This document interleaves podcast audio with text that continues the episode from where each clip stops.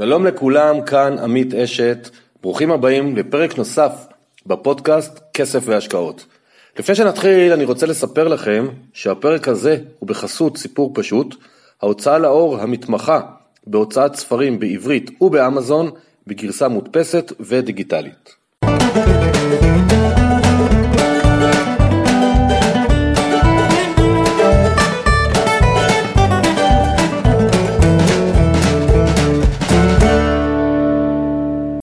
שלום לכולם, ברוכים הבאים לפרק נוסף בפודקאסט כסף והשקעות, אה, כאן עמית. היום יש לנו פרק שמבחינתי הוא מאוד מאוד מיוחד, כי זה הפרק הראשון שאני מקליט מהודו, שאני כבר נמצא פה חודשיים וחצי, כמו שמי שעוקב אחריי יודע. אה, עוד דבר מיוחד הוא שבחלק מהפרק אני אהיה מרואיין, אני מתחיל להיות מראיין. אה, רויטל, שתכף אני אציג אותה, לא יודעת מה אני אשאל, ואני לא יודע מה היא תשאל אותי. אנחנו נדבר הרבה על mindset, על התכווננות, על עסקים. תודה רבה לכל המאזינים שמגיבים, תמשיכו להגיב, להעיר לי בעין ובאלף, זה עוזר לי ללמוד מה עוד לעשות. ולמי שבמקרה הגיע לפרק הזה ולא מכיר, אז יש עוד עשרות פרקים עם המון המון כלים והשראה ודרך בעולם הכסף וההשקעות. נמצא בכל האפליקציות, ספוטיפיי ואצלי. אז אני שמח להציג את רויטל פיזנטי. שלום רויטל. בוקר טוב, מה נשמע? מעולה. אה, רויטל היא נשואה עם שלושה ילדים, אני אחרי זה אגיד למה אני מציין את זה. היא מומחית ב mindset designer, מנכ"לית FreshBiz ישראל, מנחת סדנאות לחשיבה יזמית ומאמנת עסקית לבעלי עסקים ומנהלים בארגונים. תכלס היא עוזרת לאנשים לשנות את התודעה ולהגיע לתוצאות הרבה יותר טובות בעזרת כלים שתכף נדבר מה זה הכלים האלה. אז רויטל, תודה רבה שהסכמת להיות איתנו היום. תודה לך שאתה מארח אותי, איזה כיף. כיף גדול. ולפני שנצלול לפרטים, אה, הפודקאסט הזה הוא מיועד גם לתת המון השראה. יכולה לספר לנו קצת מה המסלול, ה... אני לא אוהב להגיד את המסלול קריירה, המילה הזאת, אני לא... אבל מסלול mm-hmm. העיסוקים בחיים שעשית שהביא אותך למקום שאת היום? בטח. קודם כל, אני כבר שמונה שנים בעצמאות, אבל uh, לפני שהייתי בעצמאות, הייתי מה שנקרא מנהלת בחברה גדולה, שתי חברות, האמת, אחת שמונה שנים ואחת עשר שנים. האחרונה שהייתי בה זה היה חטא יוד, עם היבואנים של LG, והתחלתי, אתה יודע, ממכירות וניהול פרויקטים ומנהלת מחלקת מכירות אינטרנט. סכומים גדולים של כסף עברו בתוך העסקאות שעשיתי, ואפשר להגיד משרה טובה עם כל התנאים והכל. אבל לפני בערך 11 שנה או 12, אני חושבת, משהו כזה, למדתי אימון, אמרתי, וואו, אני חייבת ללמוד להיות מנהלת יותר טובה, כי כשבעצם אנחנו יודעים איך להבין אנשים, לרתום אנשים, לדבר איתם, אנחנו יכולים להיות מנהלים יותר טובים, ואכן באמת זה מה שזה עושה. אבל התהליך שאני עברתי בתוך הדבר הזה, פתאום אמרתי לעצמי, וואו, זה מה שאני רוצה לעשות. אני רוצה לעזור לאנשים לשנות את הדרך שבה הם חושבים. ואתה יודע, כשאתה נמצא בתוך uh, משרה טובה וכל התנאים ומה שנקרא סוג של כלום מזהב כזה, זה נורא קשה לקבל כזאת החלטה של פתאום לעזוב הכל ולעשות משהו חדש. בסך הכל התאמצת כל כך הרבה בשביל להגיע להישגים.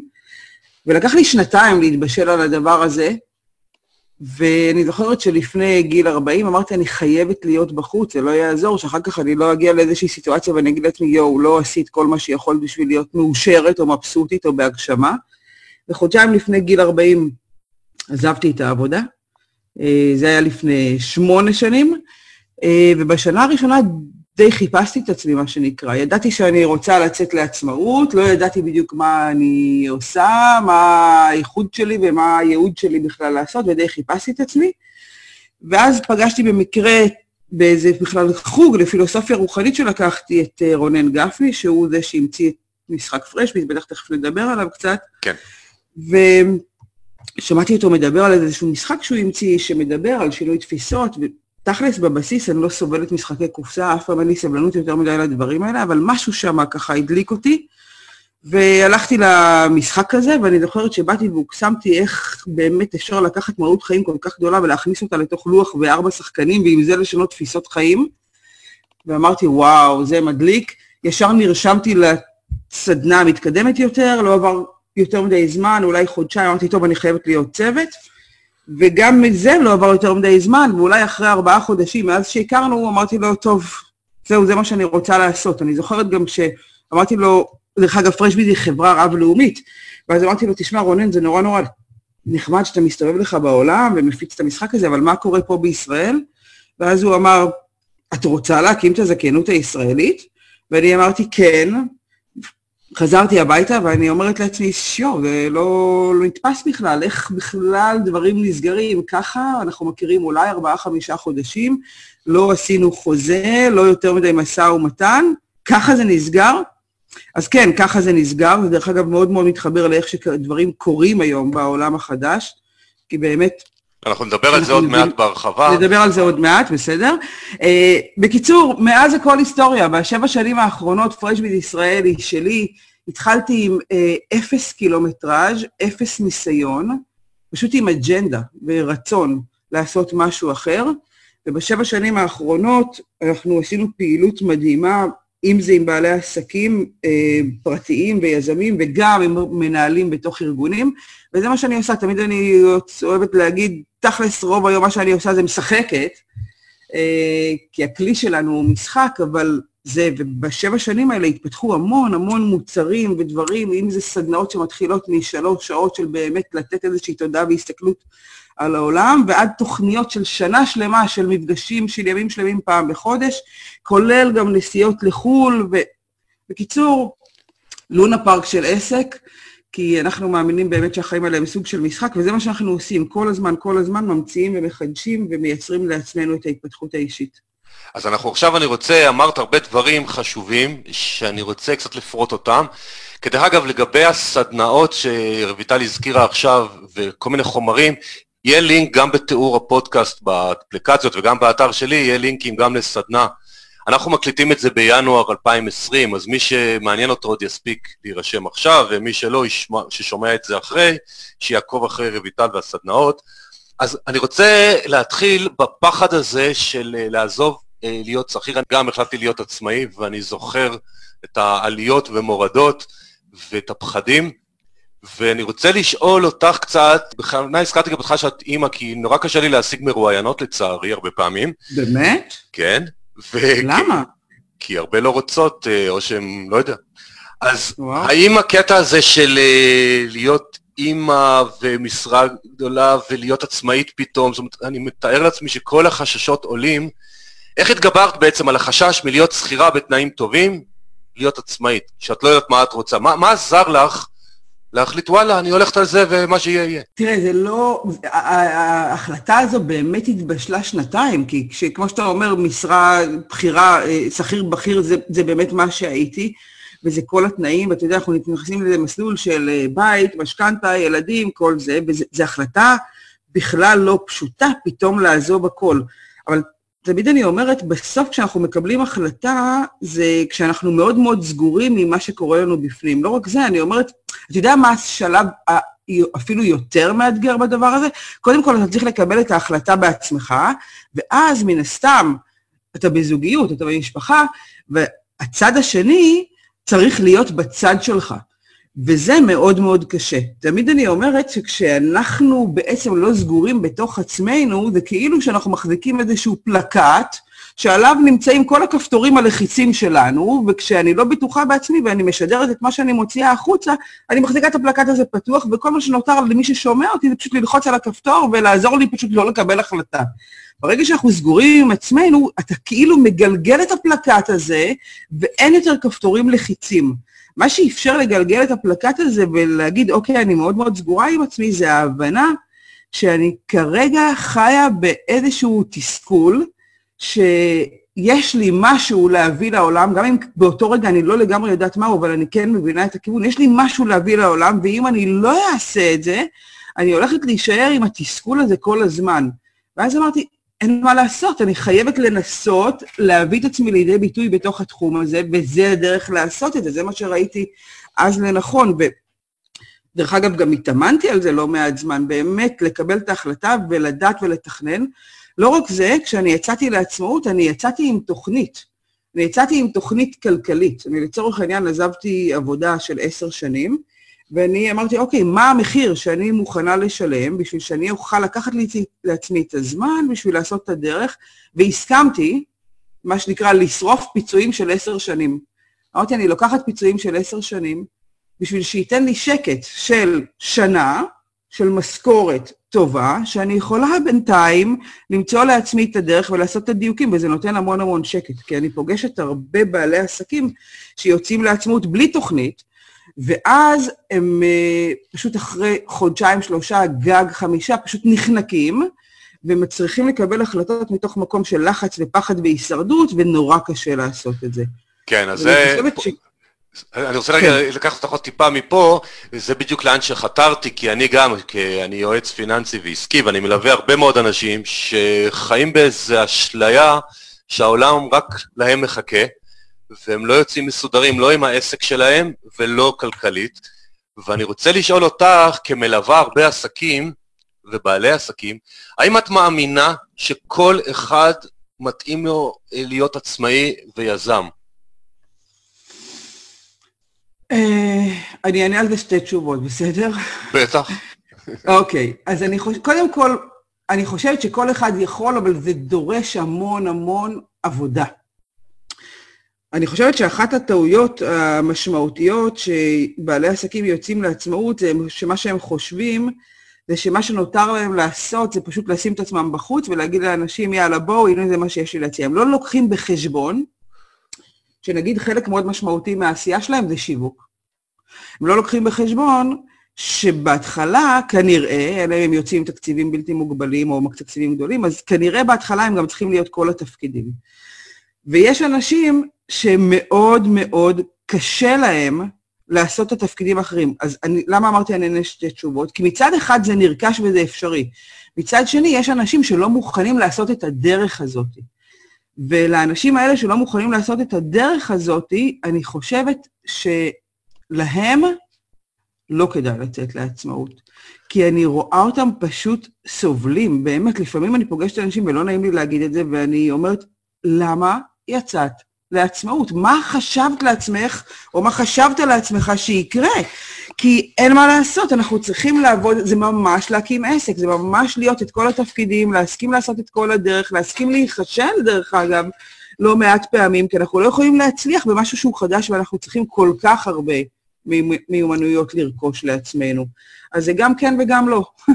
אז זהו, אז אני, לכאן אני חותר בשאלה שלי, כי אני חושב שהיום להיות שכיר ועצמאי זה שילוב טוב למי שזה מתאים. להיות רק שכיר זה מתאים לאנשים מסוימים, ולהיות רק עצמאי גם מתאים לאנשים מסוימים. ויש איזושהי אשליה אה, שלפעמים אני רואה, ולכן אני מאוד שמח שמה שאמרת, כי גם אני מרגיש שזה לא מתאים לכל אחד. אז מה הכשל המרכזי שאת מרגישה לאלה שזה לא מתאים להם? כי הם, הם חיים באיזה עולם שמישהו יגלה אותם, או שהם לא מוכנים לעבוד קשה, או שהם לא מבינים שהם צריכים את כל התפקידים. עוד פעם, כי את רואה עשרות, מאות אה, יזמים. זה, זה באמת יכול להיות גם וגם וגם. זה לפעמים יכול להיות שאני אומרת, אוקיי, אני בכלל לא מוכנה להתעסק במכירות, ואני בכלל לא מוכנה להתעסק בשיווק. בסדר, ויש כאלה שבאמת יכולים לעשות את הפער הזה ולהדביק אותו, או יש כאלה שלא מוכנים לחכות את הדרך, או יש כאלה שלא מוכנים ללכת את התהליך האישי שהם צריכים. תראה, זה תהליך מטורף של התפתחות. אני בכלל מאמינה שהעסק שלנו הוא הדרך שלנו לבוא לידי ביטוי בעולם הזה, כעצמאים. ושכירים אותו דבר. התפקיד שהם עושים היא אחת הדרכים שלהם לבוא לידי ביטוי בתוך העולם הזה. ובשביל לעשות את הדרך הזו, זה דרך של התפתחות, זה המון המון שיחות פנימיות שאנחנו צריכים כל הזמן לפתוח את הפלונטר עוד ועוד ועוד ולחפש מה מתחבא מאחורי שם. אני יכולה לומר לך שגם היום אני, עם עסק של שבע שנים, עם אה, עסק של הכנסות מאוד מאוד מכובדות, עם כמה סוגים של מוצרים, גם לי כל הזמן יש את המקום של המחסומים, של המקום של הגדילה, של המקום של הצמיחה, וכשאתה יוצא לעצמאות ואתה יוצא לדרך הזו, זה חלק מעסקת החבילה, אתה חייב להסכים ללמוד, להתפתח, להשתנות, אה, להיכשל, לעשות את הדרך המטורפת הזו, כי אחרת זה אי אפשר. אנחנו לא באנו לעולם הזה בשביל על ההתחלה לקבל הכל על מוכן, אנחנו צריכים עם הזמן כל הזמן להתפתח ו- ולדייק. אז אם אנשים לא מוכנים ללכת את הדרך הזאת ולהבין שבשלב ההתחלתי לפעמים, מה שאנחנו צריכים זה לעשות הכל לבד עד שיגיע השלב שאנחנו מכניסים מספיק כסף, ואנחנו יכולים להגיד, אוקיי, אז שיווק אני אוציא החוצה, ומכירות אני אוציא החוצה, והרבה דברים אפשר בסוף להוציא החוצה, אבל בסוף אנחנו צריכים, או בהתחלה אנחנו צריכים ללכת את הדרך הזו בעצמנו ולהסכים לשלם את המחיר, ואם את זה אני לא מסכימה לעשות, אז זה ממש חבל. אז אני מאוד מאוד מסכים איתך. שוב, כי אני השבוע ישבתי, שבוע שעבר, עם איזה מאסטר גורו הודי, מה שנקרא אמיתי, שמלמד כבר 20 שנה אלפי אנשים, ואיך הוא אומר לי, עמית, גם אני עוד עובר דרך, זאת אומרת, אתה אל... עוד פעם, דיברנו על, כמובן על רמות רוחניות מאוד גבוהות, הוא אומר לי, עמית, גם אני עובר עוד דרך, והכל בסדר, וזה, וזה דרך. אז, אז אני רוצה להמשיך מפה לעבור לפרשביז. אז איך בעצם. תספרי לנו בבקשה קצת על פרשביז, אני השחקתי אותו רק פעם אחת לפני כמה שנים, אבל איך את עוזרת, דרך, אתם, דרך המשחק, לשנות, להיות מוכנים יותר לדרך וכולי. תעשי לעצמך promotion. מעולה, אז תודה על זה.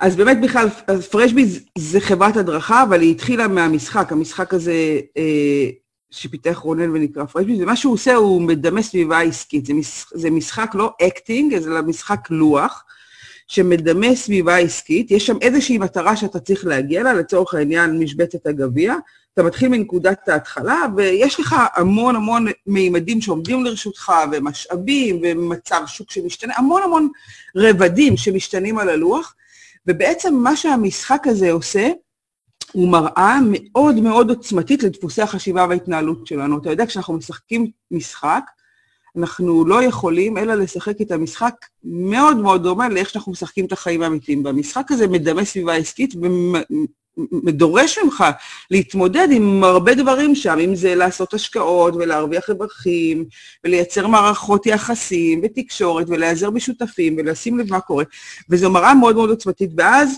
מה שקורה בפעם הראשונה שאנחנו משחקים את המשחק, ומי שפוגש אותו לראשונה, כמו שאתה היית לפני כמה שנים, אנחנו בהתחלה נותנים לאנשים, מה שנקרא, ליפול על האוטומטים שלהם. ואז אנחנו מדברים אחרי המשחק על איך כל מה שקרה פה במשחק רלוונטי לחיים האמיתיים. והמשחק נוגע בכמה סוגיות מאוד מאוד משמעותיות לבעלי עסקים וגם למנהלים בארגונים. הוא מדבר קודם כל על האם אנחנו משחקים משחק של תחרות או משחק של הצלחה. זו סוגיה מאוד מאוד משמעותית, כי אנחנו חיים בעולם שאספנו לעצמנו המון המון אמונות או פרדיגמות או דפוסי התנהגות, ומושרש בנו מאוד מאוד חזק הרעיון של אנחנו משחקים תחרות. המשחק הזה מראה שהיום בעולם החדש באמת כבר אין מקום למשחק של תחרות, לפחות לא רוב הזמן. לפעמים כן, אבל בוא נגיד שבחלק מאוד קדם מהמקומות. רוב הזמן אנחנו משחקים משחק של הצלחה ולא משחק של תחרות. ההתמודדות הזו, פתאום לראות את זה של וואו, אני חושב על עצמי שאני בן אדם שיתופי, אבל הנה, שמו לי פה לוח עם uh, גביע וז'יטונים על השולחן, אני באופן אוטומטי משחק תחרות. אז זו סוגיה ראשונה שאנחנו מבינים, תחרות או הצלחה. רגע, רגע, אבל ש... רגע, אני רוצה להבין. כן. כשאת אומרת משחק של הצלחה, זה מילים, זה שם אחר למשחק של שיתוף פעולה בניגוד למילה תחרות? כי הצלחה בעיניי, כל אחד מפרש אותה אחרת, אז מה הכוונה? שיתוף פעולה. או משהו אחר? אז אתה צודק. קודם כל, בוא נבין מה זה בכלל הגדרת ניצחון. בדיוק, כל אחד יכול לפרש את זה אחרת. מה זה עשיר? לגמרי. מה זה עשיר בעין הכוונה? כל אחד יחליט מה זה עשיר בשבילו. לגמרי, לגמרי. עכשיו, מה שקורה כשאנחנו שמים את המשחק הזה, אנחנו, בגלל שיש שם מטרה להגיע לגביע, באופן אוטומטי חלק גדול מהאנשים חושבים שצריך להגיע ראשון. מי אמר? אולי אנחנו יכולים כולם להגיע לגביע? אולי אני יכול ראשון להגיע לגביע, ואולי זה ממש לא משנה לי, העיקר שאני אגיע. כלומר, אתה מבין שכל אחד משלושת אלה זה משחק שונה לחלוטין?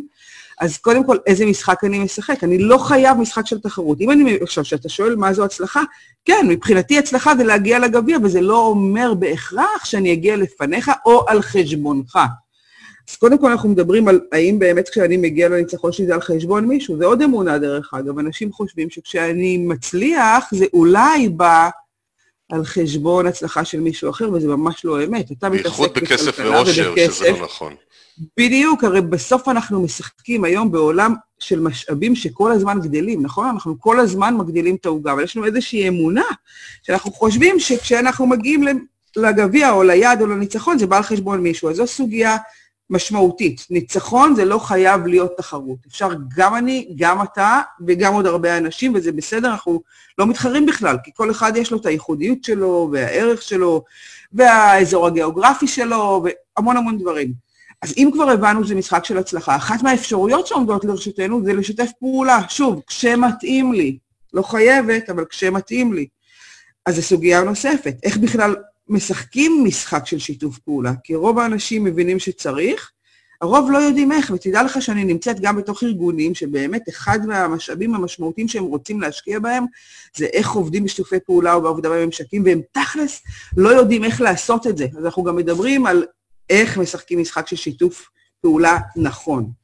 דבר נוסף שהמשחק הזה מפגיש אותך, זה היכולת להבין מהם בכלל המשאבים שעומדים לרשותי, ורוב האנשים אפילו לא מכירים במה זה המשאבים שעומדים לרשותם, מתי אפשר להשתמש בהם, זה דבר ראשון. דבר שני, כשאנחנו מדברים כבר על משאבים בתוך המשחק, אנחנו מלמדים עוד דבר מאוד משמעותי, שיש לנו איזושהי אמונה מוטעית שאומרת שאנחנו יכולים לעשות שימוש רק במשאבים שבבעלותנו, וזה לא אמת. אנחנו יכולים לעשות בכל, שימוש בכל משאב שיש לנו נגישות אליו. אני לא חייבת להיות הבעלים של המשאב, מספיקה לי נגישות למשאב. ככה, דרך אגב, עובדת הכלכלה השיתופית. היום חברות ענקיות, ששוות מיליארדי דולרים, אין בבעלותן אף לא נכס אחד, כמו Airbnb, כמו Uber, כמו איטוויד, כל העסקים האלה, אין בבעלותם אף לא נכס אחד, והם משתמשים במשאבים של אחרים. אז זה, האם אני מבינה מה המשאבים שלי? איך משתמשים בהם נכון, האם אולי כדאי, דרך אגב, שאתה תשתמש במשאב שלי וזה יקדם את שנינו יותר טוב. תראה, מה שאנחנו עושים עכשיו, זו דוגמה מדהימה לנגישות למשאבים. אתה היום בנדיבותך מארח אותי בתוך הפודקאסט שלך, כאשר לך יש משאב של נגישות לכמה כבר מאזינים יש לך? אה, עד היום 103, 103 אלף אנשים כבר הקשיבו. 12 אנשים, אלפי אנשים שמאזינים בחודש, משאב שאתה מנגיש לי להשתמש בו. אם אני הייתי צריכה להגיע לכמות האנשים המטורפת הזאת שעכשיו ישמעו את הפודקאסט שלנו, הייתי צריכה כנראה לעבוד מאוד מאוד קשה. אתה מנגיש לי את המשאב ומקצר לי את הדרך. אז זו דוגמה לאיך אנחנו משתמשים במשאבים או מנגישים משאבים שלנו לאחרים ואיך עובדים איתה נכון, אז זה עוד סוגיה. דבר נוסף שהמשחק מדבר עליו זה איך מיישמים חדשנות ויצירתיות? הרי אנחנו היום מתנהלים בעולם שקצב השינוי בו הולך וגובר מרגע לרגע. הדבר הכי אז רגע, רגע, פה אני רוצה רגע שנייה לעצור אותך כן, לפני שאת כן. ממשיכה. אני רוצה שפה נצא קצת מהמשחק ונעבור לחיים האמיתיים. יאללה. כדי שאנשים לא יחשבו שאנחנו שני תיאורטיקנים. אני יודע שאחת האמונות, לא אמונות, אחת הדברים שאת מעבירה, זה שאנשים לא מבינים שחוקי העולם השתנו וממשיכים לשחק ולחיות לפי העולם הישן. תני לנו בבקשה כמה דוגמאות של החיים, לא במשחק, אלא ממש איפה שאת נתקלת, שאנשים עוד לא עשו את הסוויץ' להבין שאנחנו בסרט חדש בחיים. דוגמאות לזה שאנחנו ממשיכים להשתמש באותם כלים. נאמר, אה, אפילו הדרכים שאנחנו משווקים. אז אנשים יגידו, אוקיי, הדרך היחידה שאנחנו יכולים לשווק זה לעשות אה, פייסבוק ממומן, או לעשות רשימת תפוצה, אה, ואולי לעבוד קצת בתוך הלינקדאין והפייסבוק שלי. ואז אנחנו אומרים, אוקיי, שנייה, יש שם כל כך הרבה כלים אחרים. למשל, עוד פעם אני חייבת לתת את הדוגמה שאנחנו עושים. אני יכולה להתארח אצל אנשים אחרים ולתת הרצאות, זה דבר אחד. דבר שני, אני יכולה, נאמר, להטיע את המוצר שלי לתוך ארגונים, שאולי המוצר שלי יכול להיות בעל ערך עבורם. כלומר, אם אני עובדת היום בתוך ארגונים, ואני בעצם מבינה, מבינה שהלקוח שלי הוא המנהלת משאבי אנוש בארגון, זה עוד דרך עבורי לה, להציע את האג'נדה שלי ואת המוצרים. עוד דרך שאני יכולה זה להבין שאני יכולה לשנות את המודלים העסקיים שלי. דרך נוספת שאני יכולה לתת... אה, אה, רגע, רגע, בוא, בוא, רגע, זה, כן. אל תישארי איתי בגדר הסיסמה פה. אני רוצה מודלים עסקיים, עוד פעם, זה יכול, כל אחד מפרש את זה אחרת. דוגמה שתיים, מודלים עסקיים שלדעתך מתאימים יותר לעולם החדש? אוקיי. אני אתן לך דוגמה מהממת של מישהו ששנינו מכירים, בסדר? אני בטוחה שהוא גם ישמח על זה, אה, חגי.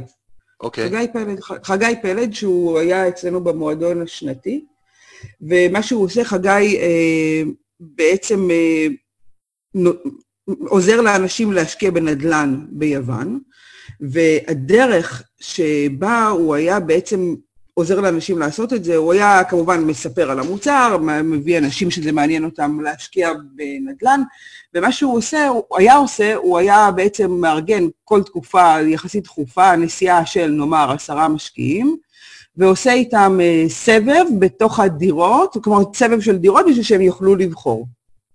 יום אחד אני וחגי ישבנו באתונה, במלון בארוחת אה, בוקר, וחגי אמר לי, תקשיבי, אני פשוט רוב הזמן שלי הולך על לנסוע עם אנשים, לעבור איתם מדירה לדירה, להראות להם, ועד שהם בוחרים את הנכס, ואז עד שהם מחליטים, הנכס הזה נכתב, כי השוק מאוד מאוד חר, זה גוזל לי המון המון זמן, ואני מרגיש שאני מבזבז המון אנרגיה ומשאבים וזמן על משהו שלא נכון. אמרתי לו, חגי, תקשיב, בסוף, אם אני באה איתך לסיבוב באתונה בשביל לראות את הדירות, תכלס, אני לא באמת יודעת מזה שאני רואה את הדירה, אם זו השקעה טובה או לא, זה אזור טוב, אני סומכת עליך כאוטוריטה, שאתה תיתן לי את ההשקעה הנכונה שאני רוצה להשקיע. אמרתי, זה שאתה עכשיו מביא את הלקוחות שלך לתוך הסיבוב הזה של זה, הוא חסר ערך. למה לא? אתה תעשה את הסיבוב הזה, או אפילו אם תרצה עוד יותר לחסוך משהו, אם האנשים שלך שנמצאים פה יעשו את הסיבוב הזה. מה שיישאר לך לעשות זה לצלם את הנכסים, בווידאו, בתמונות, בלא משנה מה, לתת את דעתך המקצועית, האם זו השקעה טובה או לא. להעביר את האינפורמציה הזו ללקוחות שאפילו לא צריכים לבוא איתך, ומתוך המקום הזה לאפשר לאנשים להשקיע. חגי בהתחלה, דרך אגב, אמר, מה, ומה פתאום? היום חגי, יש לו קבוצת וואטסאפ של המתעניינים שלו, המשקיעים שלו. מה שהוא עושה, הוא מעלה את התמונות של הדירות שהוא כבר חושב שהן רלוונטיות וכבר עשה שם איזשהו סוג של התקשרות, מה שנותר ללקוחות שלו זה להגיד, אוקיי, נראה לי, לא נראה לי, וככה למכור את העסקה. עכשיו, רק שתדע שהיום כשהוא מעלה אה, נכסים בתוך הקבוצה שלו, זמן ממוצע של סגירה של עסקה הוא כארבע שעות, שים לב, ארבע שעות מרגע שעולה העסקה, אנשים מודיעים לא, זה, זה הבנתי, אני, לא רוצה להמשיך יותר מדי לדבר על זה. אוקיי. אבל מה שאת בעצם אומרת, תחשבו על מודלים סקלביליים, כי בעצם. לבוא ללכת למכור שעות גם כעצמאי, או שכיר זה נגיד פחות מעניין אותו, את הבוס שלו זה מעניין, אבל כבעל עסק, כשאנחנו מדברים על מודלים חדשים, את אומרת, תחשבו על מודלים סקלביליים, כלומר איך אתם מקטינים פעילות פר שעה, זאת אומרת, האם אתם עושים ייעוץ אחד על אחד, או mentoring לעשרה אנשים ביחד.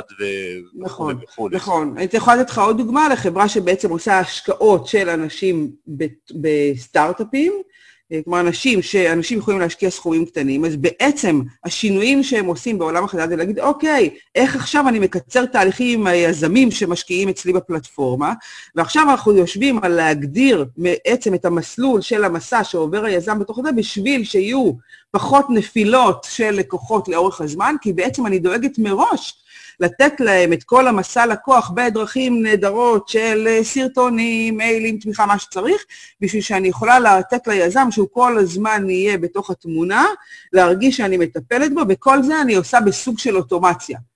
אה, אז בעצם איך אני חוסכת לעצמי שעות, דואגת לתהליכים יותר נכונים, מביאה את המוצרים שלי ליותר אנשים, ודואגת לעשות את זה בדרך יעילה, שמייצרת לי יותר הצלחות וללקוח הרגשה שהוא מקבל את היחס שהוא צריך. אז אלה שתי דוגמאות מדהימות לאיך אפשר לחשוב אחרת ולהפסיק להשתמש בכלים שאנחנו כבר מכירים. יופי. אז זה מביא אותי לשאלה הבאה, שאומנם הזכרת בשנייה וחצי בפתיח על עצמך, אבל זו סוגיה שמעסיקה הרבה מאוד בעלי עסקים אה, עצמאים, וגם אותי אישית בימים האחרונים על איזשהו מיזם. זה נושא השותפים. אה, יש המון המון דעות, האם לעשות עסק לבד, ללכת על שותפים, איך לבחור שותפים, אה, איך, איך, איזה התקשרות לעשות, ובואי נתעלם רגע מהדרך שלך ושל רונן, שהיא לדעתי מאוד יוצאת דופן, נכון. הדרך שעשיתם.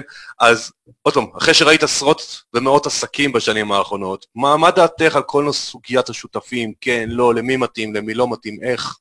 וכולי. אוקיי, okay, אז אני חייבת רגע להגיד משהו על עצמי. אני חושבת שהנושא שהכי הכי מעסיק אותי זה נושא של עצמיות בתוך שיתופי פעולה. עצמיות, הכוונה זה איך אני באה לידי ביטוי מיטבי בתוך שיתופי פעולה ומערכות יחסים. אני בן אדם, דרך אגב, מאוד מאוד סוליסט, אבל תמיד שם את עצמי במערכות יחסים ושותפויות, כל הזמן. כאשר המקום שעליו אני מסתכלת זה איך אני באה לידי ביטוי הכי טוב בתוך השותפות הזאת. אתה אמרת שזה נכון שאני ורונן זה משהו שהוא קצת אחר, כי באמת אני ורונן, כל אחד יש לו את העסק של עצמו, וגם יש לנו שיתוף פעולה במוצרים של, שלנו ביחד. הנושא של שיתוף פעולה הוא מאוד מאוד קשה לאנשים, כי אני חושבת שפשוט הם לא מגיעים לשיחות המאוד מאוד רלוונטיות ללמה אנחנו מתחברים. אז אני רוצה לתת לך ולכם, לכל מי ששומע אותנו, שלוש שאלות בסיסיות שאנחנו חייבים לשאול את עצמנו כשאנחנו עושים שיתוף פעולה. דרך אגב, שיתוף פעולה, יש לי דף של 18 שאלות שאנחנו עובדים על זה, אבל אני אתן את השלוש הבסיסיות. השאלה הראשונה שאנחנו צריכים לשאול את עצמנו זה מה בכלל המטרה המשותפת. כשאנחנו מתחברים, יש לנו איזשהו סוג של אג'נדה שאנחנו חובר, חוברים אליה, רצון משותף להיות על אותו ייעוד. כלומר, אם אני אסתכל עלינו, אז מה שאנחנו רוצים זה לשנות את הדרך שבה אנשים מתנהלים בחיים האלה, ולעזור להם לעשות את זה על ידי הגמשה מחשבתית ומשחקיות. זה למה אנחנו מתחברים. השאלה השנייה שאנחנו צריכים לשאול את עצמנו זה מה המטרה שלי. ושתדע לך שהרבה פעמים אנשים לא עוצרים לשאול את עצמם מה בכלל המטרה שלי. מה אני רוצה, איפה ההתפתחות שלי, לאן אני הולך, האיש, העסקית והאישית. השאלה השלישית, הסופר חשובה, היא מה המטרה של הצד השני. למה זה כל כך חשוב? כי הדרך היחידה שאתה תסכים איתי לשתף פעולה, זה אם אני אעזור לך לנצח את המטרה שלך. אז כשאנחנו נכנסים לשיתוף פעולה ואנחנו יודעים מה המטרה שלי ומה המטרה שלך, והשיחה האמיתית היא על איפה ההתפתחות וההתקדמות של כל אחד, זה שיתוף פעולה נכון. כלומר, כשאנחנו יושבים, בוא נגיד פגישות עבודה, השיחה האמיתית היא בלהבין, אוקיי, לאן אנחנו הולכים ואיך זה... בהתפתחות שלי. כשאנחנו לא עושים את השיחה הזו, השיחה של שיתוף פעולה מתחילה להיות על uh, טסקים, על משימות, על uh, אגו, על uh, כל מיני דברים כאלה. השיחה שאנחנו צריכים לעשות זה קודם כל על תיאום ציפיות. בואו נראה שכל אחד באמת מתקדם למטרה שלו, שכל אחד מרגיש שהוא בא לידי ביטוי, שאנחנו לא דורכים אחד לשני על הרגליים, שיש בינינו תיאום של ציפיות, ורק מתוך המקום הזה אנחנו יכולים לייצר שיתוף פעולה נכון. או אם אני מדברת על שותפות, דרך אגב, המלצתי לכולם, זה אל תיכנסו ישר לחוזה. לא חייבים להתחתן. אפשר לעשות פיילוט. בואו נעשה פיילוט של חצי שנה, ובסופו נחליט אם הדבר הזה מתאים לנו או לא, משרת אותנו או לא. כי הרבה פעמים אנחנו אפילו גם לא בודקים מה כל אחד מביא לשולחן. אתה יודע, אצלנו במשחק קוראים לזה קלפי פעולה. קלפי פעולה זה מה אני מביא. כשאנחנו בודקים מה כל אחד מביא, ואנחנו אומרים, אוקיי, אנחנו מרגישים שבאמת לכל אחד יש תרומה בתוך הדבר הזה, אז לא נהיה תסכול אחר כך של אני מביא יותר ואתה לא. אנחנו מבינים על מה אנחנו מדברים. ובאמת אחת השיחות שיכולות לפוצץ את הדבר הזה, זה שמישהו מרגיש שהוא מביא יותר או פחות מהשני, או אני עובדת נורא נורא קשה ואתה לא, ואז אני כועסת עליך. דרך אגב, גם שיתוף פעולה או שותפות לא חייב להיות 50-50. אם אני מבינה מה ההשקעה של כל אחד ומה המעורבות וכמה אנרגיה זה דורש, שיתוף פעולה או שותפות לא חייב גם להיות 50-50. אז אלה השיחות החשובות. להבין מה אני מביאה לשולחן, איך זה מקדם אותי, לוודא שהשיחות שלנו הן מדברות על זה, ולא רק על משימות, ואז אנחנו כל הזמן מדייקים את המערכת יחסים הזאת. אני רוצה רק להוסיף עוד דבר אחד בעיניים שלי, מה שאמרת, זה גם לראות איזה משאבים מביאים, זאת אומרת, אחד יכול להביא כבר תוכנה שהוא הכין, או איזשהו ידע או מאגר לקוחות, אחד יכול להביא כסף, ואם צריך כסף, אז גם להחליט האם, כמה כל אחד מביא, וחלוקת אה, אחוזים בסוף, כי בדיוק. גם זה, אה, עוד פעם, זה פודקאסט של כסף והשקעות, והשקעה של זמן או שווה ערך של משהו, צריך לסגור את זה מראש. אה, זה מאוד חשוב. תראי, את, אה, כאילו, אנחנו עוד מעט צריכים לעבור לקטע שאת מפתיעה אותי, אז יש לי עוד שאלה אחת לפחות חשובה לי לשאול אותך. כשאת מאמינה שרק המבט שלנו יקבע לאיזה מציאות נתכנס, למה את מתכוונת כשאת משתמשת בביטוי הזה? אז אני חייבת לדבר שנייה על פיזיקה, ברשותך. אפשר? כן, זה אחד המקצועות שאני הכי לא סבלתי, אבל אין בעיה. באמת? אני בין okay. אוקיי. המהנדסים היחידים שאיכשהו עבר את הטכניון עם פיזיקה מינימלית. אוקיי, yeah, okay, אז ננסה לעשות את זה פשוט. אני יודעת, תראה, אתה יודע, דרך אגב, אחד מהדברים שאנחנו עושים, זה מכניסים לתוך עולמות התוכן שלנו המון עולמות תוכן שהם לא עולמות התוכן הרלב... המובהקים שלנו, נהדר. דרך אגב עוד דבר של חדשנות ויצירתיות. והיה תקופה שמאוד מאוד סקרן אותנו פיזיקה, וממש למדנו פיזיקה, ממש, למדנו שיעור קורסים בפיזיקה, ומה שאיינשטיין אומר, הוא אומר שכמו שהיקום הוא אינסופי, נכון? אנחנו יודעים הרי שהיקום הוא אינסופי, גם אם אנחנו לא יכולים לתפוס אותו, אנחנו יודעים שהוא אינסופי, מה שהוא אומר שלא רק שהיקום, המרחב הוא אינסופי, גם הזמן הוא אינסופי. כלומר, אם תדמיין את היקום הזה כמו איזה מין פרוסת לחם כזאת, אז בפרוסת לחם הזאת, אה, סליחה, כיכר לחם, בכיכר לחם הזאת יש את כל המרחב וגם את כל הזמן. כלומר, זה, איינשטיין אומר שלא רק זה שאנחנו לא מצליחים לתפוס את המרחב שהוא אינסופי, אנחנו גם לא מצליחים לתפוס שבעצם כבר הכל כבר קרה. כלומר, כרגע, בנקודת הזמן הזו, במקביל מתקיים גם העבר וגם העתיד. אנחנו כבני אנוש לא מסוגלים לתפוס את זה, אנחנו זוכ... תופסים רק את העבר כי אנחנו זוכרים אותו, אבל מה שהוא אומר, שגם העתיד כבר קרה. עכשיו, התודעה שלנו, אם נבחר להסתכל עליה ככה, היא יכולה רגע לעלות לאיזשהו מבט על כזה איפשהו ביקום, ולהתכנס ולראות את מה שכבר קרה. כלומר, אם עכשיו, בואו אני אתן דוגמה, אנחנו מקיימים כנס ב-28 בינואר, ואנחנו לקחנו אולם, ואני יודעת שבעצם הכנס הזה כבר קרה. בכנס הזה כבר יש אולם מלא, אני כבר רואה את עצמי עומדת על הבמה, אני כבר יודעת על איזה נושאים היא מדברת, אני מסתכלת על זה ואני מסכימה שזה כבר קרה. אם אני מצליחה לתפוס את זה ואומרת, בדיוק כמו שכל היקום כבר קיים, גם העתיד כבר קיים, נותר לי דבר אחד לעשות, וזה פשוט לעשות את הפעולות שיאפשרו למציאות ולנקודת המבט שלי להתכנס לאותה נקודת זמן שכבר קרתה. הבנתי. אני ברורה? Uh, היית ברורה חלקית, זה ברמות מאוד גבוהות של גם פילוסופיה, גם רוחניות וכולי. Uh, אני מנסה רגע לה, להקביל את זה לעולם הכסף, זה כמו שיש... אני שואל שאלה אחרת לפעמים אנשים, תגידו, אתם רוצים להרוויח או אתם רוצים לא להפסיד? עכשיו, זה נשמע שאלה מאוד אותו דבר, וזה ממש כיווני חשיבה הפוכים לגמרי. ו...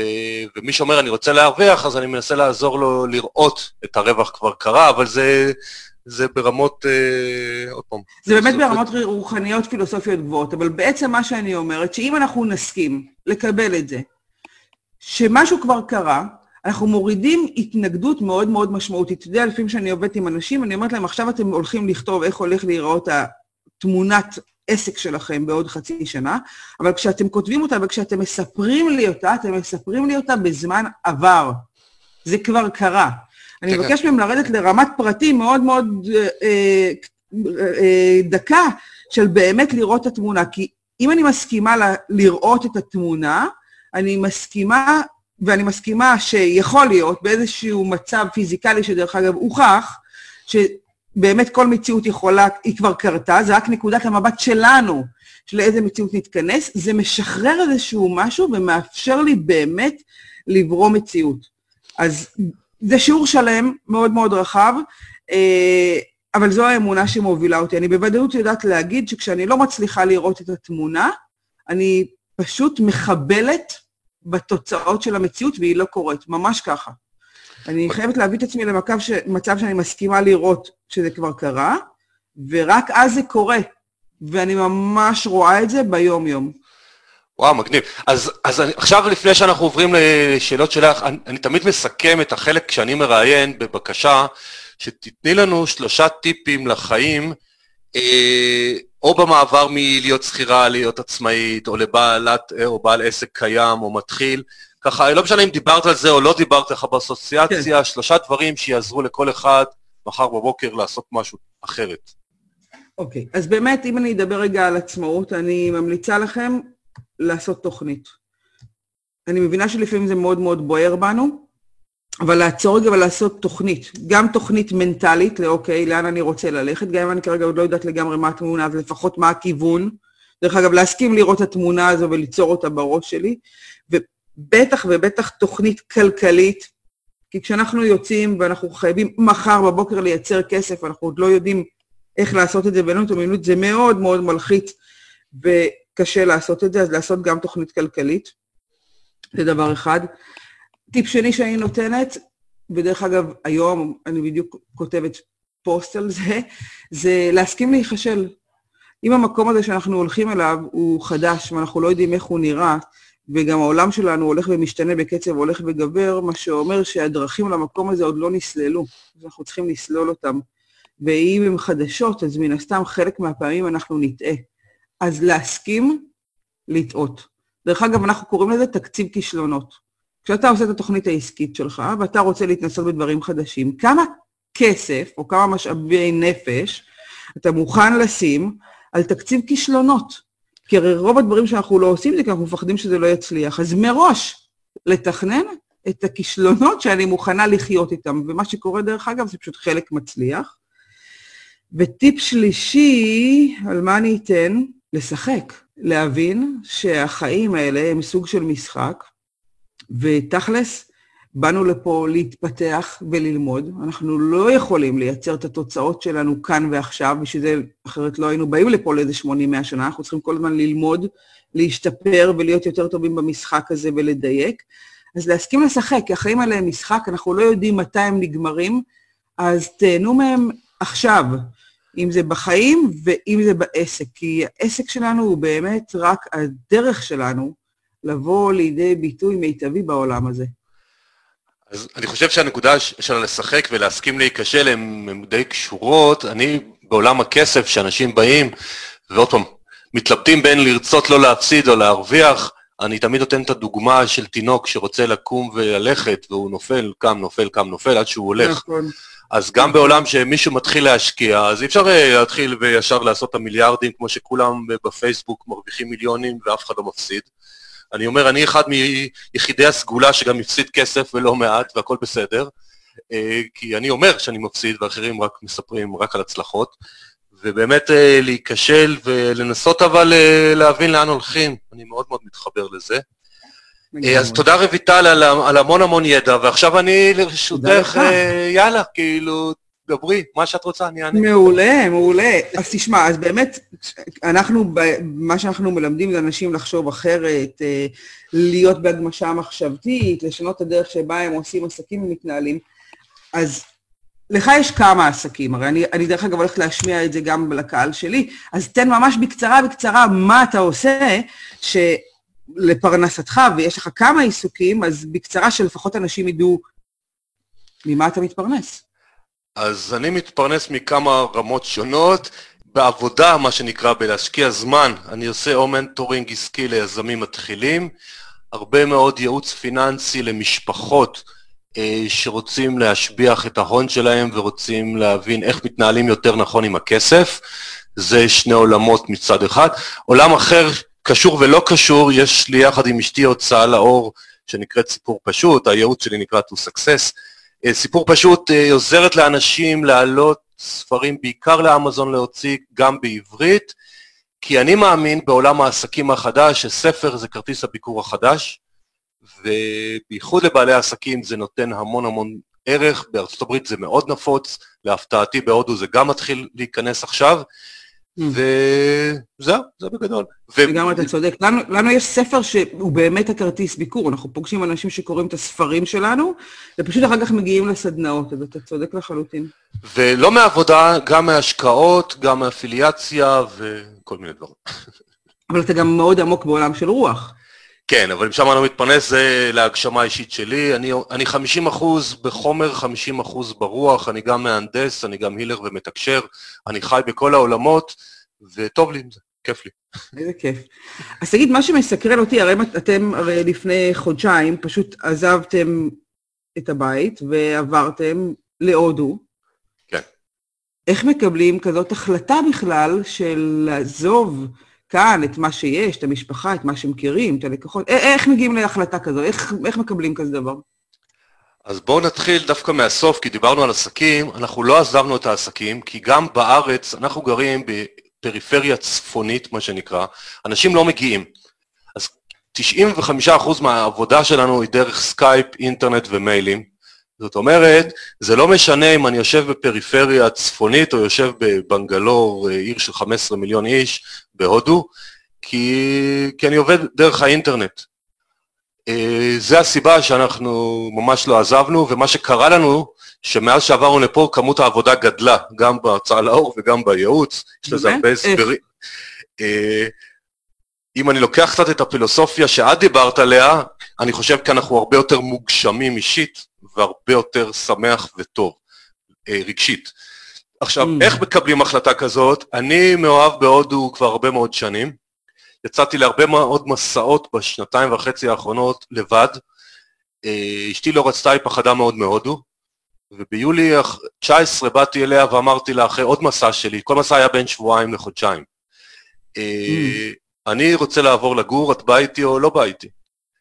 אמרה לי, אני לא הייתי אף פעם, אמרה לי, אף פעם לא הייתי בהודו, מאיפה אני יודעת? אמרנו, בסדר, בעיה שלך. נסענו לשבועיים, באנו לשבועיים, דגמנו שלוש ערים, שאני הראיתי לה את ההבדל, כי גם אני מדי פעם מוזמן להרצות פה בכל מיני מקומות, אז היה פה בדיוק איזשהו כנס.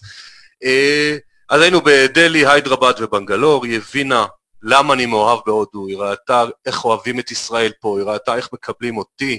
עמית זה שם הודי, אני גם מבין את התרבות ההינדית. אתמול ישבנו עם איזה זוג הודי עם מורה ליוגה של 20 שנה פה, היא אומרת לי, עמית, אתה ממש הודי, כאילו דיברנו ברמות של, שלהם, והחלטנו הרפתקה, אה, הילדים אחרי צבא, יש לנו שלושה ילדים אחרי צבא, כל אחד בחיים שלו. זה לא טריוויאלי, אבל כרגע גם לא הזכרנו את הבית בארץ, כי אנחנו לא יודעים כמה זמן, יש גם נושא של ויזה, כמה זמן מותר להיות, יש כל מיני דברים טכניים, אבל זה מעבר מדהים. איזה כיף. תגיד, מותר לי לשאול מה זה עושה לזוגיות שלכם? כן, מותר לשאול הכל. קודם כל, אנחנו הרגשנו, אנחנו מרגישים עדיין כשאנחנו חיים בסרט, ואנחנו כמו כן. זוג צעיר, זאת אומרת, שכרנו דירה מרועטת. אבל מרועטת, כל הכבוד, יש אה, כמעט הכל, אבל ביום הראשון קנינו מלח וסוכר, ואז לא היה לנו מלחייה, אז ירדנו לקנות מלחייה וכולי, ואז לא היה לנו סכין.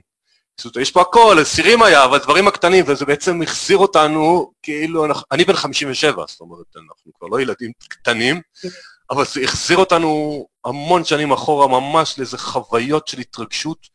זה הכניס המון המון התרגשות לחיים. אה, להכיר אנשים, לראות אנשים. הזמינו אותי לפני שבוע להיות אה, אורח בכנס רוטרי פה באיזשהו סניף של 31 שנים. אז כאילו, בארץ אני לא מגיע למקומות האלה, אני גם מתבייש. פה, וואלה, חוויה. שמים חליפה עניבה שאני בארץ בחיים לא, לא לובש.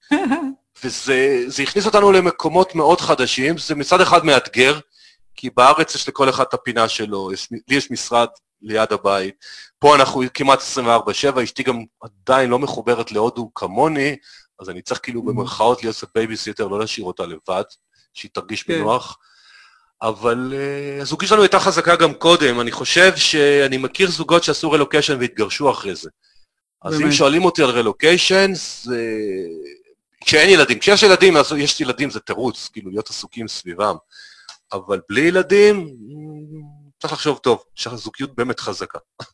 איזה כיף. אז אתה אומר כאילו בעצם כל הרעיון הזה של נוודות מאוד מאוד מתאים לכם, העסק שלכם במילא עובד כולו על הרשת, וזה מאפשר לכם להגשים מלא מלא חלומות. איזה כיף זה, זה נשמע מטורף. זה מעניין גם מה שאמרת, כי גם לנו יש כמה לקוחות שעשו רילוקי עם ילדים. אני יודעת שזה חלום ענק של הרבה הרבה אנשים, אתה היית ממליץ, או, או אני אשאל את זה אחרת, כשעושים את המעבר הזה, על מה צריך לחשוב? אז קודם כל אני פחדתי, הרבה שנים אני דווקא פחדתי מזה, אבל פתאום, עוד פעם, לי אישית בגלל שהודו, אז מה שצריך לחשוב, כמו, כמו שאת אמרת מקודם, שאת החלטת להיות משכירה עצמאית, שהיית צריכה את תמיכת הבן זוג, עוד פעם, לא שיחזיק לך את היד, שיסכים לשינוי. צריך כן. ששני אנשים יסכימו, אני יודע שאנשים נגיד שעושים רלוקיישן לנורבגיה ומקומות כאלה, ופתאום כל היום כמעט חושך. אז אחד mm. מבסוט כי הוא עובד, לא משנה אם זה הגבר או האישה, ואחד מטפס על הקירות. אז זה לא טריוויאלי, צריך לראות שאם, אנחנו נפגשנו פה עם אנשי הקונסוליה הישראלית, שאז אחד עובד בקונסוליה, השני לפעמים אסור לו לעבוד פה. אז mm. זה, זה לא טריוויאלי, צריך לראות ששני בני הזוג מסכימים, ואם אחד מהם מקריב משהו, אז שזה הקרבה בחיוך, כמו שאת אומרת, וואלה, משחקים את החיים, זה לא כי אני חייב. Mm. דבר אחד. אה, דבר שני, כלכלית, אם אין אה, עבודה, אז להבין איך הולכים להתפרנס, או להחליט, וואלה, זה הולך לעלות לנו מהחסכונות כך וכך בשביל חוויה. כן. אה, להבין טוב, טוב, טוב, טוב, טוב, אם זו מדינה שצריך ויזה, את חוקי הוויזה וחוקי העבודה ומה מותר ומה אסור, כי אני כמובן לא חקרתי את זה לעומק, ובדיעבד עשיתי כמה טעויות טכניות שלא קרה כלום, אבל טוב שגיליתי אותן במקרה, כדי שלא יקרה כלום. מבחינת לעבור על החוק במדינה המקומית שאני נמצא, שאתה נמצא בה. כן. ו- וזהו, וזה באמת, ויש זוגיות uh, פעם חזקה, כי, כי זה חיי חברה חדשים, זה להכיר אנשים חדשים, וזה לא תמיד קל. יש בזה אתגרים, ללא ספק. לגמרי, לגמרי. אני יודעת שנגיד, בעלי בחיים לא היה זורם על דבר כזה. אני הייתי מתה לנסוע לאיזה שנה, ככה לעזוב הכל, אבל אה, אתה יודע, זה מאוד קשור בצרכים ובאופי, בצורת החשיבה. בעלי בחיים לא היה זורם על הדבר הזה. הוא צריך שהכל יהיה לו מסודר וידוע מראש. לא, אז גם אני הייתי כזה. לי... כן? היית וזה השתנה? השתנה כי עשיתי עבודה רוחנית עמוק, לכן הייתי שלוש שנים בהודו, אני ישבתי עם גורואים, ישבתי באשרמים, עשיתי המון עבודה פנימית כדי להשתנות, בשביל עצמי, לא בשביל אף אחד אחר, וכשזה קרה, כן. אז קורים דברים מדהימים, אבל באמת צריך לרצות את זה, כמו שאתה אמרת על עסקים, זה דרך, אין פה הוקוס פוקוס, זה, זה הכל תהליכים. יש נפילות בדרך, אבל בסדר. איזה כיף. תגיד, אני חייבת לשאול אותך, אני יודעת שהיום כולם, כולם מחפשים לעצמם לעשות אה, השקעות מהצד. גם דרך אגב שכירים, אומרים, אוקיי, אני רוצה להיות שכיר, אבל לייצר לעצמי השקעות. אבל המהלך הזה הוא נורא נורא מפחיד. או שאנשים חושבים שהם צריכים להיכנס אליו עם המון המון כסף. אז אתה יכול בכמה משפטים לעשות לנו סדר על הדבר הזה? כי אני יודעת אפילו הבן שלי, שעכשיו השתחרר מהצבא, הוא אומר, יש לי כמה שקלים, אני רוצה לעשות, אבל הם לא באמת יודעים איך ומה, וזה מפחיד. תעשה סדר רגע בדבר הזה, למי זה אפשרי, איך נכנסים לתוך העולם הזה? אז קודם כל נכנסים לזה נורא בקלות, מקשיבים לכל הפרקים של הפודקאסט כסף והשקעות, וזו הסיבה שאני עשיתי אותו, כדי שאני מראיין אנשים מכל הזוויות, כולל חבר'ה בני 30, יש שם לא מעט שעושים את השינוי. אז זה נותן המון כלים והשראה. אני התחלתי בגיל 16, אז עוד לא היה אינטרנט, עוד לא היה כלום, זה היה עוד יותר מסובך, ומה שיפה בכלי ההשקעה שלא צריך הון התחלתי גדול, אה, שוק ההון מאפשר המון המון אפשרויות פיזור וכניסה בכספים נמוכים, אה, ולא צריך להבין הכל, אפשר להבין, אפשר לקחת קורסים ואפשר ללכת למוצרים פשוטים, זה נקרא קופות גמל להשקעה או פוליסות חיסכון, ואז זה כמו קרן השתלמות, אתה בוחר איזשהו מסלול, משקיע כסף, ואתה אפילו לא צריך להתעסק עם זה, מי שזה לא מתאים לו. יש את עולם הנדל"ן, שזה סף הכניסה הוא הרבה יותר גדול, ודורש הרבה פעמים יותר התעסקות בארץ, בחו"ל, יש המון כשאומרים נדל"ן זה מתחלק לאיזה שמונה, תשע תת רמות שונות מה זה נדל"ן, מניב, יזמי, בארץ, בחו"ל, קבוצות, עצמאים. Mm. זה עולם שלם שחבר'ה צעירים הרבה נכנסים אליו. אה, ויש, עוד פעם, יש המון אה, היום כל מיני להקים אתרי אינטרנט, כל עולם האפיליאציה של תוכניות שותפים, שהפתעתי, הרבה צעירים לא מכירים את זה, mm-hmm. גם מאפשר, אבל עוד פעם, צריך לבנות קהילות או לדעת תוכן, קבוצות פייסבוק, אבל יש כן. המון המון אפשרויות, ו- ואני אומר, כל אחד צריך לנסות לראות מה מדבר אליו, ואז uh, להתחיל להעמיק את, ה- את הידע שלו שם, אבל יש המון המון אפשרויות, ובסופי כניסה נמוכים, לא צריכים לפחד. וצריך לקחת בחשבון שלא כל דבר מצליח, וזה בסדר גמור אם אני מתחיל בגיל צעיר ומדי פעם לא מצליח, לא קרה כלום. יש המון קבוצות פייסבוק, אה, חלקן גם טובות מאוד, שנותנות המון ידע אה, ושיתופיות, בעולם הכסף, זה גם עוד מקור אה, ככה להתייעץ, לשמוע, לקבל רעיונות. מעולה. אז אם ככה לסיום, אתה היית רוצה לתת לנו טיפ דווקא מהסתכלות על החיים ועבודה, על האיזון של, איזון של חיים עבודה, או הגשמה והתפתחות. איך מתחילים עם זה? אה, דווקא משפט שאת גם אמרת, משפט דומה, צריך לזכור שבאנו לחיים ליהנות. כשיצאנו בשנייה, בפרומיל שנייה שיצאנו מהבטן, אף אחד, ואני אגיד את המילה אלוהים, אבל כל אחד בשבילו זה אלוהים זה משהו אחר, אני חילוני כדרך אגב, אה, לא התכוון שנסבול בעולם הזה. עכשיו, אנחנו שמים לעצמנו המון המון מאוד חסמים ותיאוריות ופחדים, אה, חלקן אנחנו שמים לבד, חלקן עוזר, הסביבה עוזרת לנו. וכולי. צריכים ללכת עם האמת שלנו, להבין כשלא טוב לנו, ולא משנה אם זה לא טוב לנו בעבודה או בזוגיות או ב... בהשקעות למשל אני אומר לאנשים, כסף, אני יועץ השקעות אבל כסף זה רק כסף, קודם כל תשנו טוב בלילה, זאת אומרת בשביל להרוויח עוד קצת כסף אם לא תשנו טוב זה לא שווה, זה, זה, לא, זה לא מעניין. אז כן. אני חושב שאנחנו חייבים ללכת עם האמת שלנו, אה, גם אם לסביבה זה נראה לא הגיוני ומשונה, ואני בטוח שהרבה אנשים יסתכלו עלייך כשיצאת משכירה בכירה להיות עצמאית כמו איזה משוגעת, אבל הלכת נכון. אחרי הקול הפנימי, אחרי הלב שלך, וזה מסתדר. ו- Mhm. וזה מה שאני חושב, תלכו עם האמת שלכם, תחקרו, תלמדו, אה, ואיזון, איזון בחיים הוא מאוד חשוב. אה, גם אם אתם אוהבים את העבודה, אז תזכרו, אם מי שיש לו משפחה, אולי זה משפחה, אולי זה תחביבים, ללכת, לרוץ, לרקוד, ללכת לים, לא יודע, כל אחד מה שהוא אוהב, לקרוא ספר, אה, אבל המון המון איזון בחיים. כי אנשים לפעמים שוכחים לאזן את עצמם, ואז הם מתעוררים עם התקף לב וכולי וכולי. וזה כן. זה מה שאני מרגיש. מהמם. אז זה מדהים, אז אנחנו באים משני עולמות תוכן שונים, תכלס מדברים את אותה שפה, אנחנו די חולקים אג'נדה דומה, אה, וחיבורים הם כנראה לא במקרה. גם זה, אבל גם כשאתה מסתכל, אני קצת, עוד פעם, אני לא איזה תיאולוג גדול בדתות, אבל כשאני רואה קצת, אני מבין יותר את ההינדו ואת הבודהיזם ואת היהדות כמובן, וקצת נצרות וקצת אה, אסלאם, ואתה רואה שבסוף, בסוף, בסוף, כולם אומרים אותו דבר, אה, כן. תהיה אדם טוב יותר, הרבה אהבה. אה, זה פשוט תאהב, תאהב מהלב, לא כי צריך, לאהוב הכל, זה כולל הכל. אה, נגיד בהודו לפעמים אומרים שמישהו עושה לך משהו רע, אתה הולך ומבקש ממנו סליחה. אז שאלתי Mm. פעם איזה גורו פה, תגיד לי, מה זה השטות הזאת? כאילו, איך, למה... הוא אומר, תשמע, יש אנרגיה לא טובה, אמרתי סליחה, יאללה, ממשיכים נקסט. כאילו, מה אנחנו עכשיו נתחיל לגרור, ואני אחכה לאגו, שהוא יגיד לי סליחה קודם. אמרתי סליחה, הכל נגמר, וממשיכים הלאה. יפה, האמת יפה. כן, אבל זה לא קל ליישם, ממש לא קל ליישם. וכשאתה רואה פה איך אנשים נוהגים, העליתי לפעמים איזשהו סרטון מהצומת ליד הבית, אתה ב-30 שניות, כמות התרחשות של עשרות כלי רכב, כולם נוסעים, כולם צופרים, כולם מסתובבים, כאילו אין חוקים, אבל גם אין תאונות, כי הם בסוף, בשנייה האחרונה כל אחד מוותר לשני. הוא אומר, יאללה, הוא- הפעם הוא השיג אותי, פעם הבאה אני אשיג מישהו אחר.